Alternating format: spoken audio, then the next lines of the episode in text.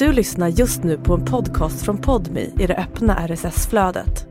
För att få tillgång till Podmis alla premiumpoddar helt utan reklam, prova Podmi Premium kostnadsfritt. Ladda ner appen i App Store eller Google Play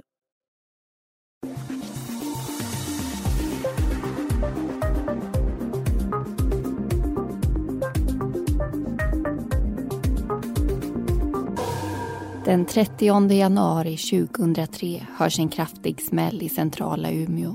Någonting har exploderat utanför tingsrätten. Polis och ambulans anländer kort därpå och en man förs till sjukhuset med omfattande skador. Man förstår snart att explosionen orsakats av en bomb. Det är ingen olycka utan ett avsiktligt dåd.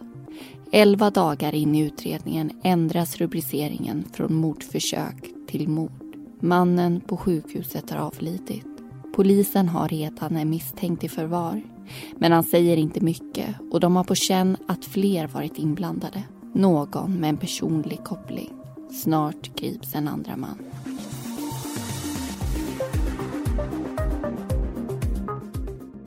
Du lyssnar på Mordpodden, en podcast om den mörka verkligheten. I månadens premiumavsnitt ska du få höra berättelsen om bombmordet.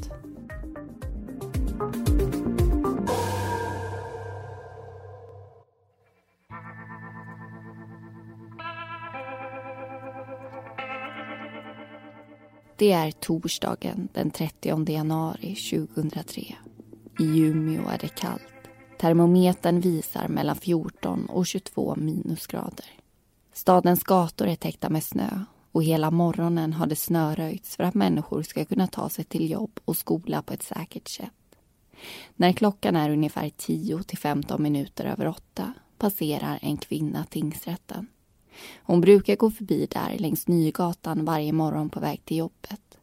Den här dagen ser hon dock något hon inte brukar se. En svartklädd man med jacka och uppfälld kapuschong verkar ha ställt sin cykel intill en lyktstolpe i närheten av tingsrättens entré. Han står och trycker på cykeln och hon tycker det är konstigt att han inte parkerat den i cykelstället vid gatan. När han är klar går han inte in genom dörrarna utan tillbaka mot gatan och över vägen. Kvinnan släpper honom med blicken och fortsätter mot sitt jobb.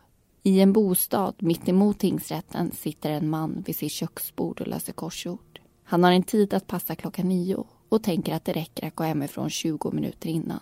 Klockan har ännu inte passerat halv när han lägger märke till en man med svarta kläder passera på trottoaren utanför. Köksfönstret vetter mot Nygatan och tingsrätten. Han reagerar på att mannen med den uppfällda kapuschongen går fram och tillbaka flera gånger. Inne på tingsrätten har arbetsdagen för många precis börjat. De förbereder mål som ska tas upp under dagen, svarar på mejl och plockar fram handlingar. En expeditionsvakt har precis varit och hämtat posten och går in genom entrén. I foajén sitter en advokat och väntar på sin klient. Plötsligt hörs en högljudd smäll. Fönster splittras och väggar vibrerar. Rök letar sig upp mot himlen samtidigt som aska faller ner mot marken. Advokaten reser sig upp och tittar ut. Han ser sin klient Daniel liggandes på backen och ringer efter ambulans.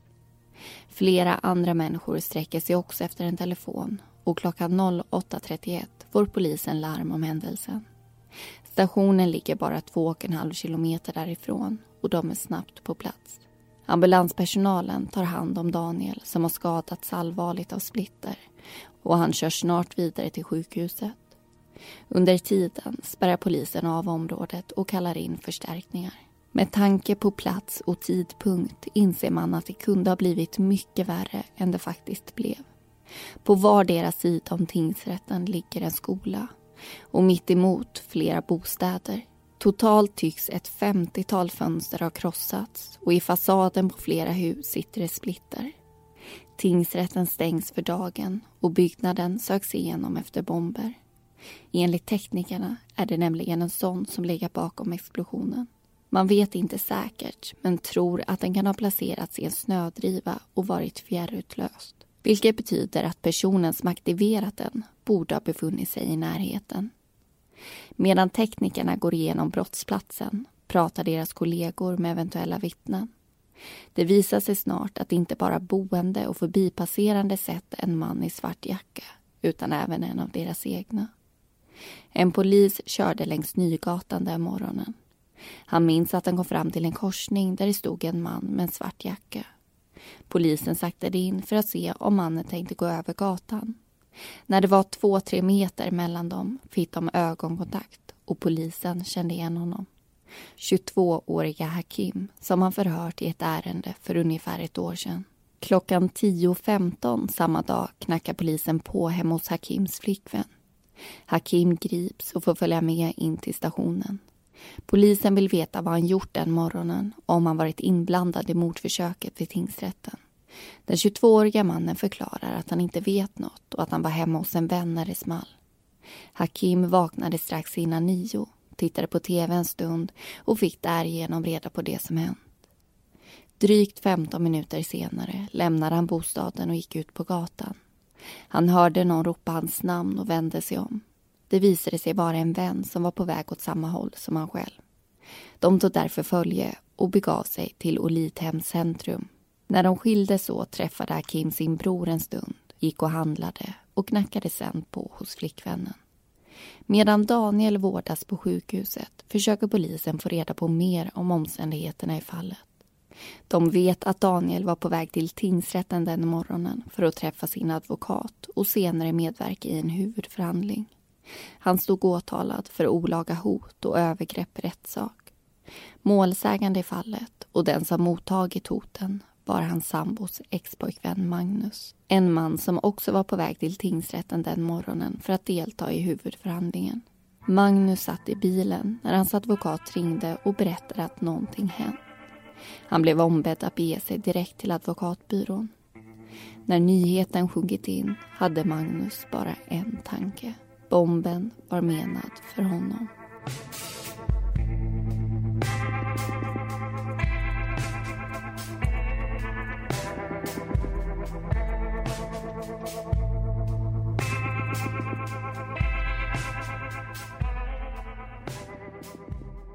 Ja, I januari 2003 så exploderar alltså en bomb i centrala Umeå.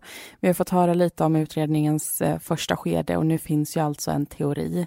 Och det här är inte polisens teori utan det här är en utomståendes teori. Och vi ska ägna den här diskussionen åt att förklara vem Magnus är och också varför han tror att han var det tilltänkta offret. Magnus är 33 år. Han har fru och han har nyligen blivit pappa för andra gången.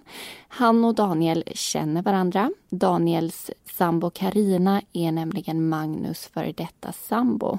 Och det finns en stark fientlighet mellan de här männen vilket också är anledningen till att de båda ska på samma huvudförhandling den här morgonen. Men vi ska inte gå in mer på det personliga planet riktigt än för enligt det som Magnus berättar så har det inget med hans misstankar att göra. Nej, för anledningen till att han tror att bomben var menad för honom, det har att göra med hans förflutna. Och när Magnus pratar med eh, polisen så berättar han att han har varit medlem i eh, mc-klubben Bandidos, en klubb som ofta knyts till kriminalitet och eh, som Magnus sedan en tid tillbaka har valt att lämna också. Och han var inte ensam, han var inte den enda som gick därifrån utan det var flera som tog det här steget samtidigt. Och efter det så har det inte varit så lätt för de här. Magnus berättar hur en av de andra killarna utsattes för flera mordförsök Head over to Hulu this March, where our new shows and movies will keep you streaming all month long.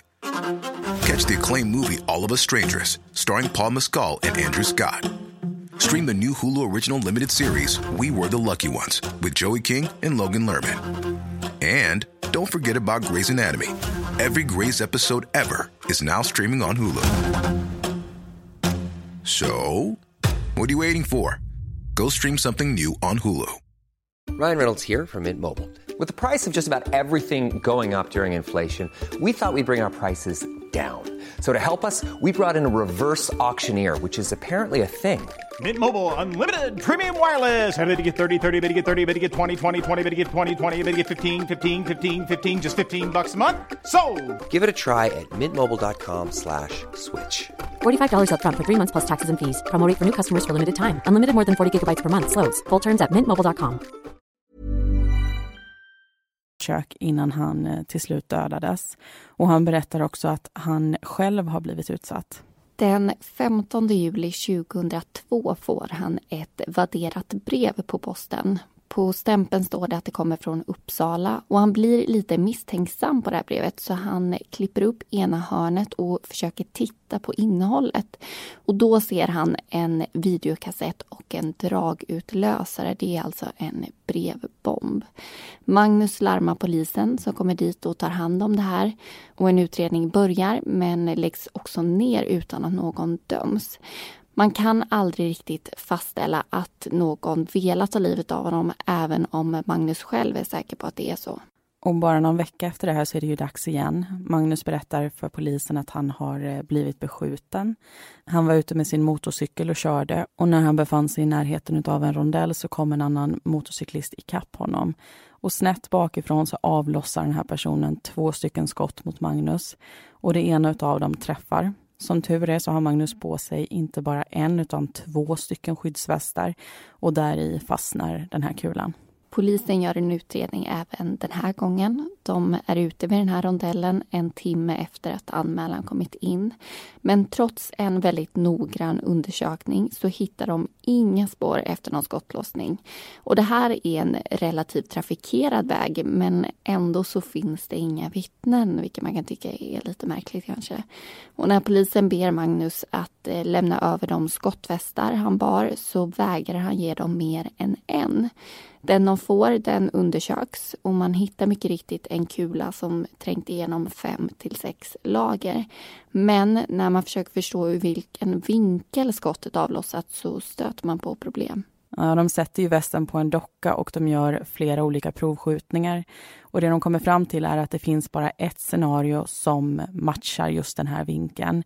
Och det är när dockan ligger ner på marken och man avlossar vapnet. Så det Magnus har berättat om skjutningen, det kan inte stämma. Och därför läggs även den här utredningen ner utan att någon åtalas. Och även om de här utredningarna inte kommer någon vart så är ju Magnus säker på att det faktiskt finns en hotbild mot honom. Och vem eller vilka som står bakom de här hoten och handlingarna, eh, det vill han inte riktigt säga, men han säger i alla fall att de har en koppling till Stockholm. Och när Magnus ska in till tingsrätten den där torsdagen i januari så är han fortfarande försiktig. Hans advokat föreslår att han och hans familj ska gå in på baksidan av huset. Men han kommer alltså inte dit innan det smäller.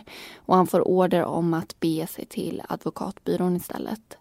Samma eftermiddag så lämnar Magnus Umeå och åker till Stockholm och eh, där kommer han också stanna i ungefär tre veckor. Och nu när vi har betat av det här med hotbilden mot Magnus så tycker jag att eh, det är dags att återgå till berättelsen och eh, höra om det personliga, alltså hur känner alla de här personerna varandra? Få veta lite hur de inblandades liv ser ut och även höra vad polisen kommer fram till i sin utredning.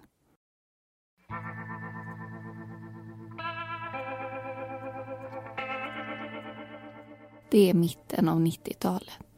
Magnus är i 20-årsåldern och tillsammans med en kvinna vid namn Karina.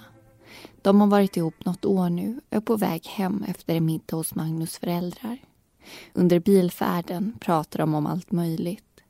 Magnus berättar att det finns en person som han hatar. Daniel. När Karina hör namnet förstår hon direkt vem sambon menar. Hennes ungdomskärlek. När hon berättar det för Magnus blir reaktionen allt annat än likgiltig. Magnus blir förbannad och skriker åt henne att kliva ur bilen, vilket hon också gör. Bråket är över lika snabbt som det börjat. När Magnus och Karina pratar lite senare förklarar han varför han reagerade så som han gjorde. När Magnus var 18 år blev han nämligen misshandlad av den några år äldre Daniel. Det är något han varken kan eller vill förlåta. 1999 blir Karina gravid och samma år väljer hon och Magnus att gå isär. Strax efter millenniumskiftet föds deras barn. Trots uppbrottet förblir de båda en del av den andras vardag. Karina känner dock att Magnus är för intresserad av hennes privatliv. Han blir svartsjuk så fort hon umgås med en man. Och en dag säger han att ser han henne på stan med någon annan så ska han slå ihjäl dem båda två. Under våren ger han sig på en manlig bekant till exsambon. Misshandlar mannen med en stålbatong och döms till fängelse. Två år senare är Magnus med i en motorcykelolycka. Han klarar sig, men gör illa ryggen och blir sjukskriven. Hemma väntar hans nya sambo Helen som under våren blir gravid. I slutet av sommaren gifter de sig. Under hösten blir Magnus tvåbarnspappa. Allt är dock inte frid och fröjd. Enligt Karina har Magnus fortfarande inte släppt taget. Under våren förföljer han henne på ett gym och då och då skickar han otäcka sms. När Karina hittar tillbaka till sin ungdomskärlek Daniel blir det värre. Magnus kan inte acceptera att hon är med någon annan. Särskilt inte den man han hatar. Vid två olika tillfällen kommer Karina ut till en bil med fyra sönderskurna däck. Hon har bara en person i sitt liv som vill henne illa och misstankarna landar därför på Magnus ännu en gång. Daniel ringer upp Magnus och säger åt honom att sluta men det verkar inte få rätt effekt. Under sommaren får Daniel nämligen höra ett rykte att Magnus utlovat 150 000 kronor till den som skjuter honom. Daniel blir upprörd och Karina ser det på honom även om han försöker dölja det utåt. Hon känner sig maktlös. Mitt i allt det där mörka kommer ett glatt besked. Karina och Daniel ska få barn. Men så kommer polisanmälan, åtalet och rättegången. Den 30 januari åker de tillsammans in till Umeå tingsrätt. Daniel hoppar ur och ber Karina vända och parkera medan han går in. Bara en stund senare smäller. Den tekniska undersökningen är omfattande. Bland annat tar man bort all snö i sökområdet och går igenom den i efterhand. Man gör också nya undersökningar när snön smält. Tack vare vittnesuppgifter vet man att bomben var placerad på en cykel. Misstankarna om att den varit fjärrutlöst bekräftas. Bland annat genom avsaknaden av en krutstubin. Man hittar delar av bomben och splittret som skjutits i alla riktningar när den detonerat. Snart kan man dra en slutsats. Bomben var gjord för att döda, men inte förrän den orsakade stort lidande. Elva dagar efter explosionen har den slutfört sitt uppdrag. Daniel har avlidit av sina skador. Brottsrubriceringen ändras från mordförsök till mord. Förhören med Kim fortsätter. Problemet är att han troligtvis inte varit ensam gärningsperson eftersom han inte har någon direkt koppling till Daniel. Och ju mer tiden går, desto mindre sannolik verkar Magnus teori om att han skulle varit det tilltänkta målet. Genombrottet kommer med ett nytt vittnesmål. En man berättar att han några dagar innan explosionen fick ett samtal av en man vid namn Magnus. Magnus förklarade att han ville ha tag i sprängdeg, vilket mannen hade. Hur Magnus fått reda på det visste han inte. Men redan samma kväll stämde de träff i Umeås kaj. När Magnus dök upp hade han på sig en mörk mössa med ordet polis på. Säljaren la honom på minnet och såg att han inte var ensam. Bredvid stod en yngre man som han kände igen. Hakim. Deras vägar hade korsats förut. Sprängdeg byttes mot pengar och männen gick sedan skilda vägar. Säljaren visste inte vad Magnus skulle ha det till. Men när han hörde talas om bomben vid tingsrätten och att Hakim häktats föll bitarna på plats. Säljaren och Daniel hade känt varandra i drygt 20 år och han valde att kliva fram. Ut Do you love anime, gaming, movies, and discovering how your favorite pop culture affects everything you do? Then join us on Crunchyroll Presents The Anime Effect. I'm Nick Friedman. I'm Lee Alec Murray. And I'm Leah President. Every week, you can listen in while we break down the latest pop culture news and dish on what new releases we can't get enough of. Whether you love movies, I'm going to tell you all about the uh, hopeful 4K re release of Tron Legacy that happens. I'm right there with you. Or music. The music in this show Yeah. is absolutely Yeah. incredible. Or anime. and under this mask is another mask. you can discover your new favorites right here on The Anime Effect. Listen every Friday wherever you get your podcast and watch full video episodes on Crunchyroll or on the Crunchyroll YouTube channel. Hey, I'm Ryan Reynolds. At Mint Mobile, we like to do the opposite of what Big Wireless does. They charge you a lot, we charge you a little. So naturally, when they announced they'd be raising their prices due to inflation, we decided to deflate our prices due to not hating you. That's right. We're cutting the price of Mint Unlimited from $30 a month to just $15 a month. Give it a try at mintmobile.com slash switch. $45 upfront for three months plus taxes and fees. Promo rate for new customers for limited time. Unlimited more than 40 gigabytes per month. Slows. Full terms at mintmobile.com. Utredningen tar ett språng framåt. Magnus anhålls i sin frånvaro den 21 februari och tre dagar senare kan han gripas i Stockholm. Polisen utför en husrannsakan hemma hos vittnet. Hittar spår av sprängmedel både i bostaden och på den jacka mannen hade på sig den kvällen. När resultatet ramlar in får de veta att det är samma typ av sprängämne som man hittat i bomben. Totalförsvarets forskningsinstitut gör provsprängningar nu när man vet vilket ämne som används. Man kommer fram till att mängden som Magnus ska ha köpt den där kvällen gott och väl räcker för den explosion som ägde rum den 30 januari. I och med gripanden har både Hakim och Magnus kläder beslagtagits. När de undersöks finner man spår av samma sprängämne även där. Hakims förklaring är att han ofta lånar kläder av bekanta. Hans flickvän har inneboende och båda tröjorna han har på sig den där dagen tillhör hennes vänner. Den svarta jackan är inte heller hans. Hakim ger polisen namn på klädägarna som också hörs. De säger samma sak som Hakim. Det är deras grejer och han brukade låna. Men ingen av dem vet något om hur de skulle ha kommit i kontakt med den typen av sprängmedel. Magnus förklaring är liknande. Han har inte lånat kläder, men bostad. När han åkte till Stockholm bodde han med några andra och de hanterade sprängämnen i lägenheten. Bevisen finns, men kopplingen till Magnus och Akim är enligt de misstänkta en slump. När polisen tittar på telefontrafiken kan de se att Magnus haft tät kontakt med Akims flickvän dagarna innan mordet. Troligtvis är det Hakim som använt telefonen och någon förklaring till varför Magnus slutar använda telefonen i samband med mordet ges aldrig. I de många vittnesmålen finns ytterligare ett som sticker ut.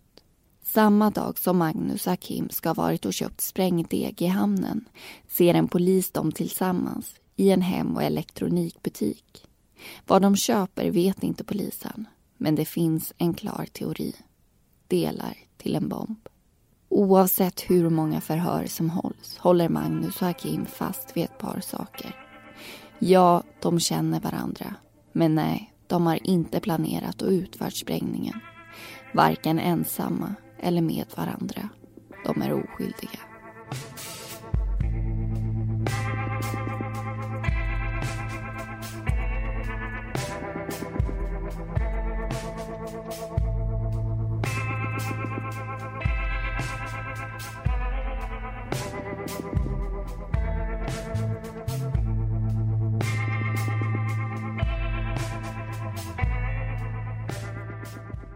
Ja, inget erkännande kommer alltså, men polisen kommer att fortsätta med sin utredning i det här fallet.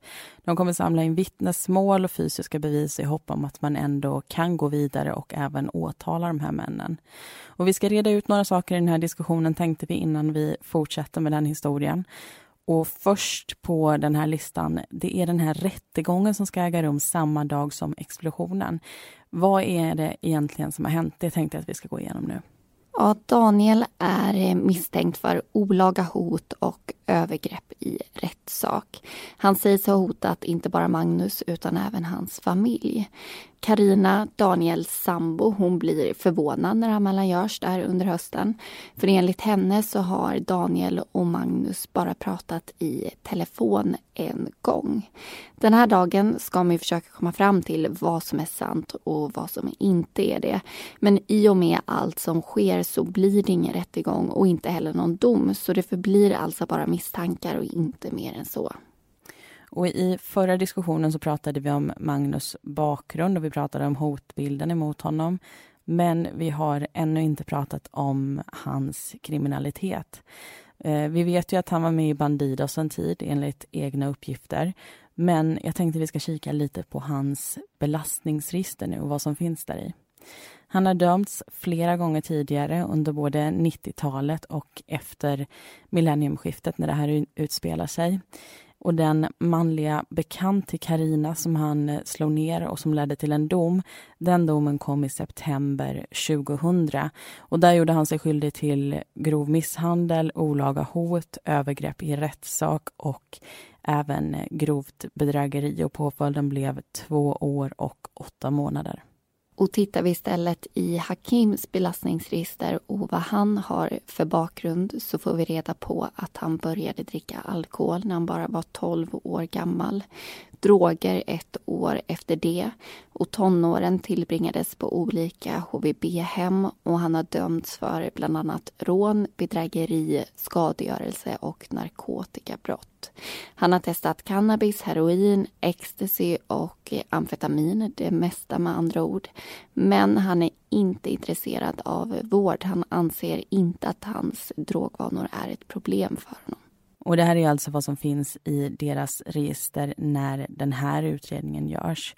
Men det finns ju en sak till som kommer att knytas till Magnus och det här är någonting som sker under sommaren 2002, alltså året innan bomben, när Magnus själv ska ha blivit utsatt för flera brott. Och det som händer det är att en man, låt oss kalla honom Erik, eh, kommer in till sjukhuset en dag med en skada i sin ena hand. Och han berättar att han har eh, varit ute och gått med sina hundar när det plötsligt gjorde väldigt ont i just handen. Och det sjukvårdspersonalen finner det är en skottskada. Så läkaren gör en anmälan kring det här vilket leder till att Erik eh, måste prata med polis.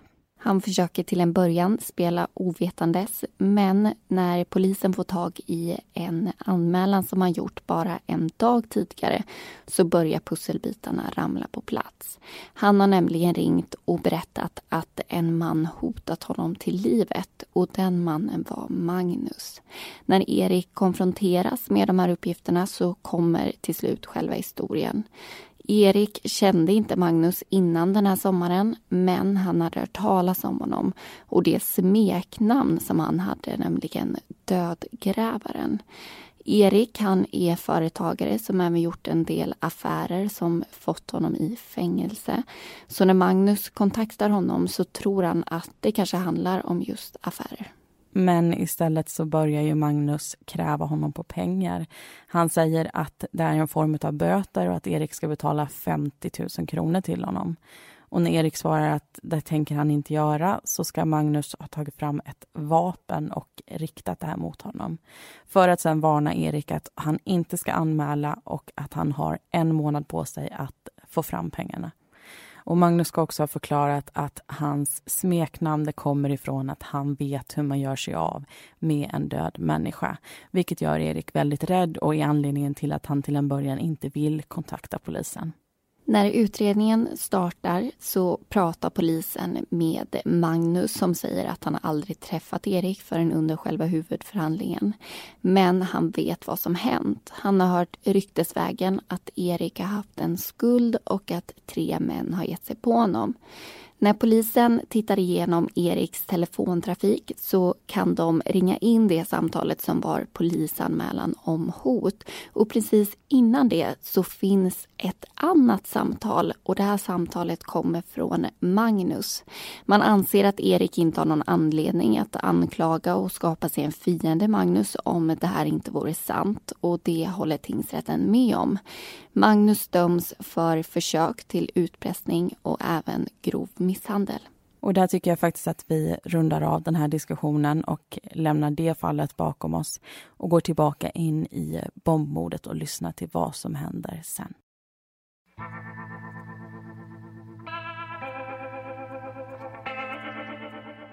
Utredningen fortsätter under februari och mars. I april har de tillräckligt och åklagaren väljer att åtala Magnus och Hakim för bland annat mord och allmänfarlig ödeläggelse.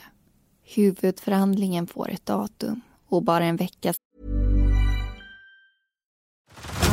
Head over to Hulu this March, where our new shows and movies will keep you streaming all month long. Catch the acclaimed movie All of Us Strangers, starring Paul Mescal and Andrew Scott. Stream the new Hulu original limited series We Were the Lucky Ones with Joey King and Logan Lerman. And don't forget about Grey's Anatomy.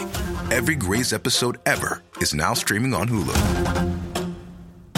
So, what are you waiting for? Go stream something new on Hulu. senare inleds den i polishusets säkerhetssal. Åklagaren berättar hur Magnus och Hakim tillsammans planerat och utfört mordet på Daniel. Att Magnus den 24 januari hörde av sig till en man som hade sprängmedel att sälja. Att de stämde träff redan samma kväll i Umeås kaj och att Hakim följde med honom dit. De två männen åkte också och handlade den kvällen. I en hem och elektronikaffär där de kunde hitta de komponenter som behövs för att tillverka en bomb. Magnus, som tidigare varit yrkesmilitär, hade kunskapen som behövdes för att sätta ihop delarna och skapa ett livsfarligt vapen. Han hatade Daniel och ville inte att han skulle vara en del av hans eller hans ex-sambos liv.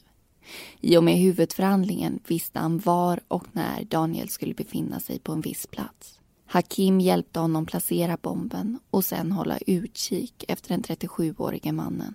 När Daniel dök upp detonerades bomben.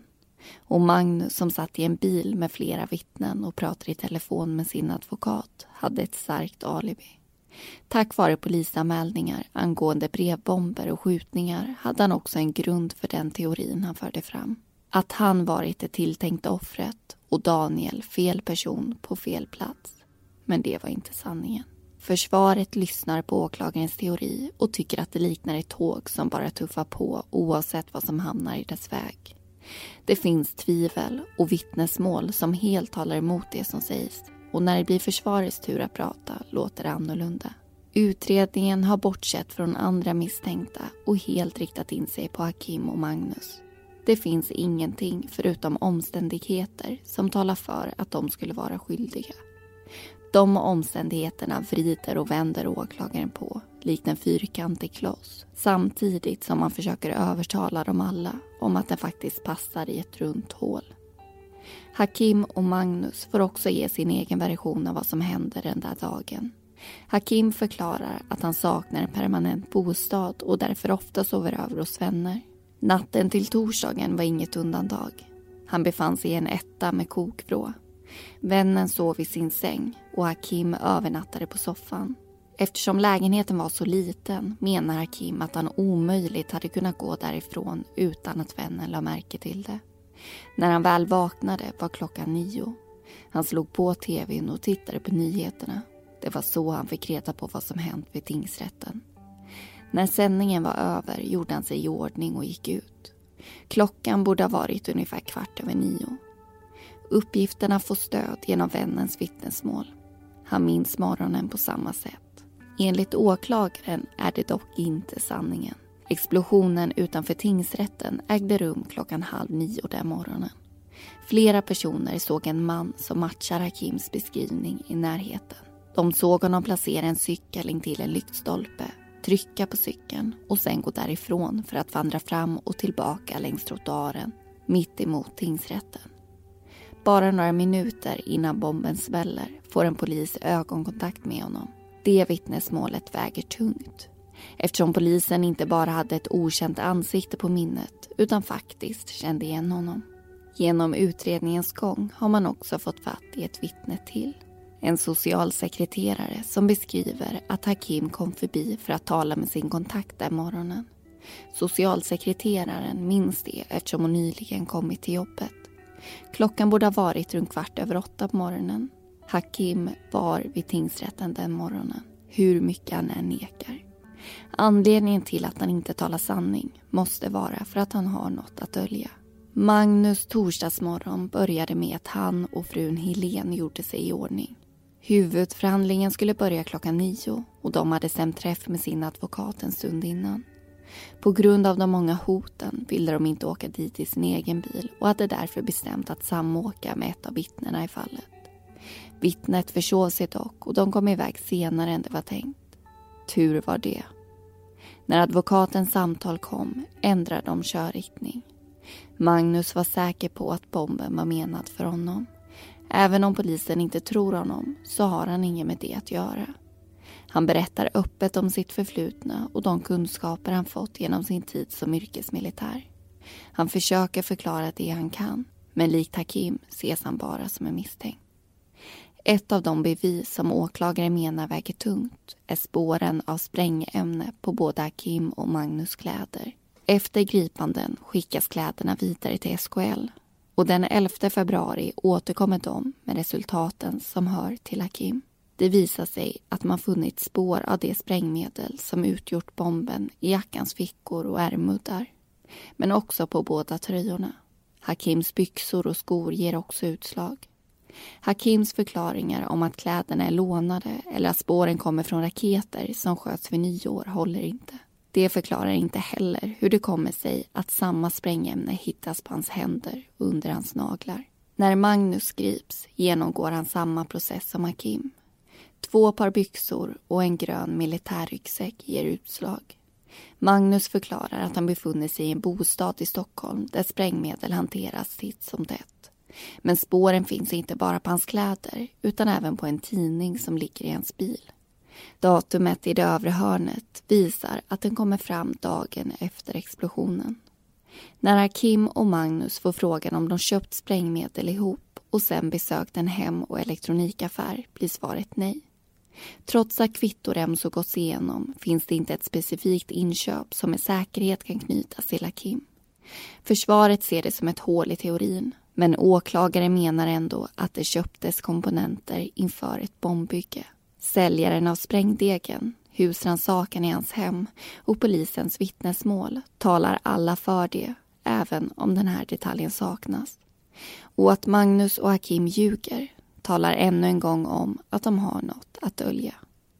Någon vecka efter huvudförhandlingens slut kommer tingsrättens dom. Man har vägt åklagarens teori mot försvaret och de misstänktas utsagor. Slutsatsen är att det inte finns rimliga tvivel. Magnus och Hakim döms båda två mot sitt nekande för bland annat mord och allmänfarlig ödeläggelse till livstidsfängelse. Motivet till dådet anses vara Magnus svartsjuka och hat. Något som Hakim saknar. Han tycks mest ha blivit en del av det på grund av sin vänskap med Magnus. Eftersom varken Hakim eller Magnus har något att förlora är överklagan till hovrätten ett enkelt beslut. Bara någon månad senare kommer ett nytt domslut. Magnus påföljd förblir densamma men Hakims roll i det hela anses vara mindre än man tidigare bedömt. Hans påföljd ändras därmed till 12 års fängelse. Fallet får ett slut. De numera dömda männen förflyttas från häkte till anstalt. Men det är inte bara deras liv som förändras. Bomben slår två familjer i spillror. Karina får ensam välkomna sitt och Daniels barn till världen. Och Helen blir ensam med Magnus och hennes barn. Allt över en konflikt som startade i tonåren och som tillsammans med svartsjuka fick allt att spåra ur.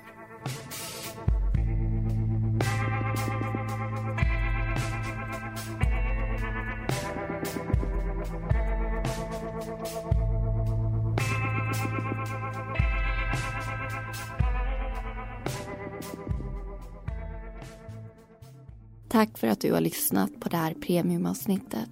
Alla personer heter egentligen något annat och informationen är hämtad ifrån tingsrättsdomen och artiklar från Folkbladet, Expressen och Svenska Dagbladet. Nästa månad är vi tillbaka med ett nytt premiumavsnitt. Missa inte det.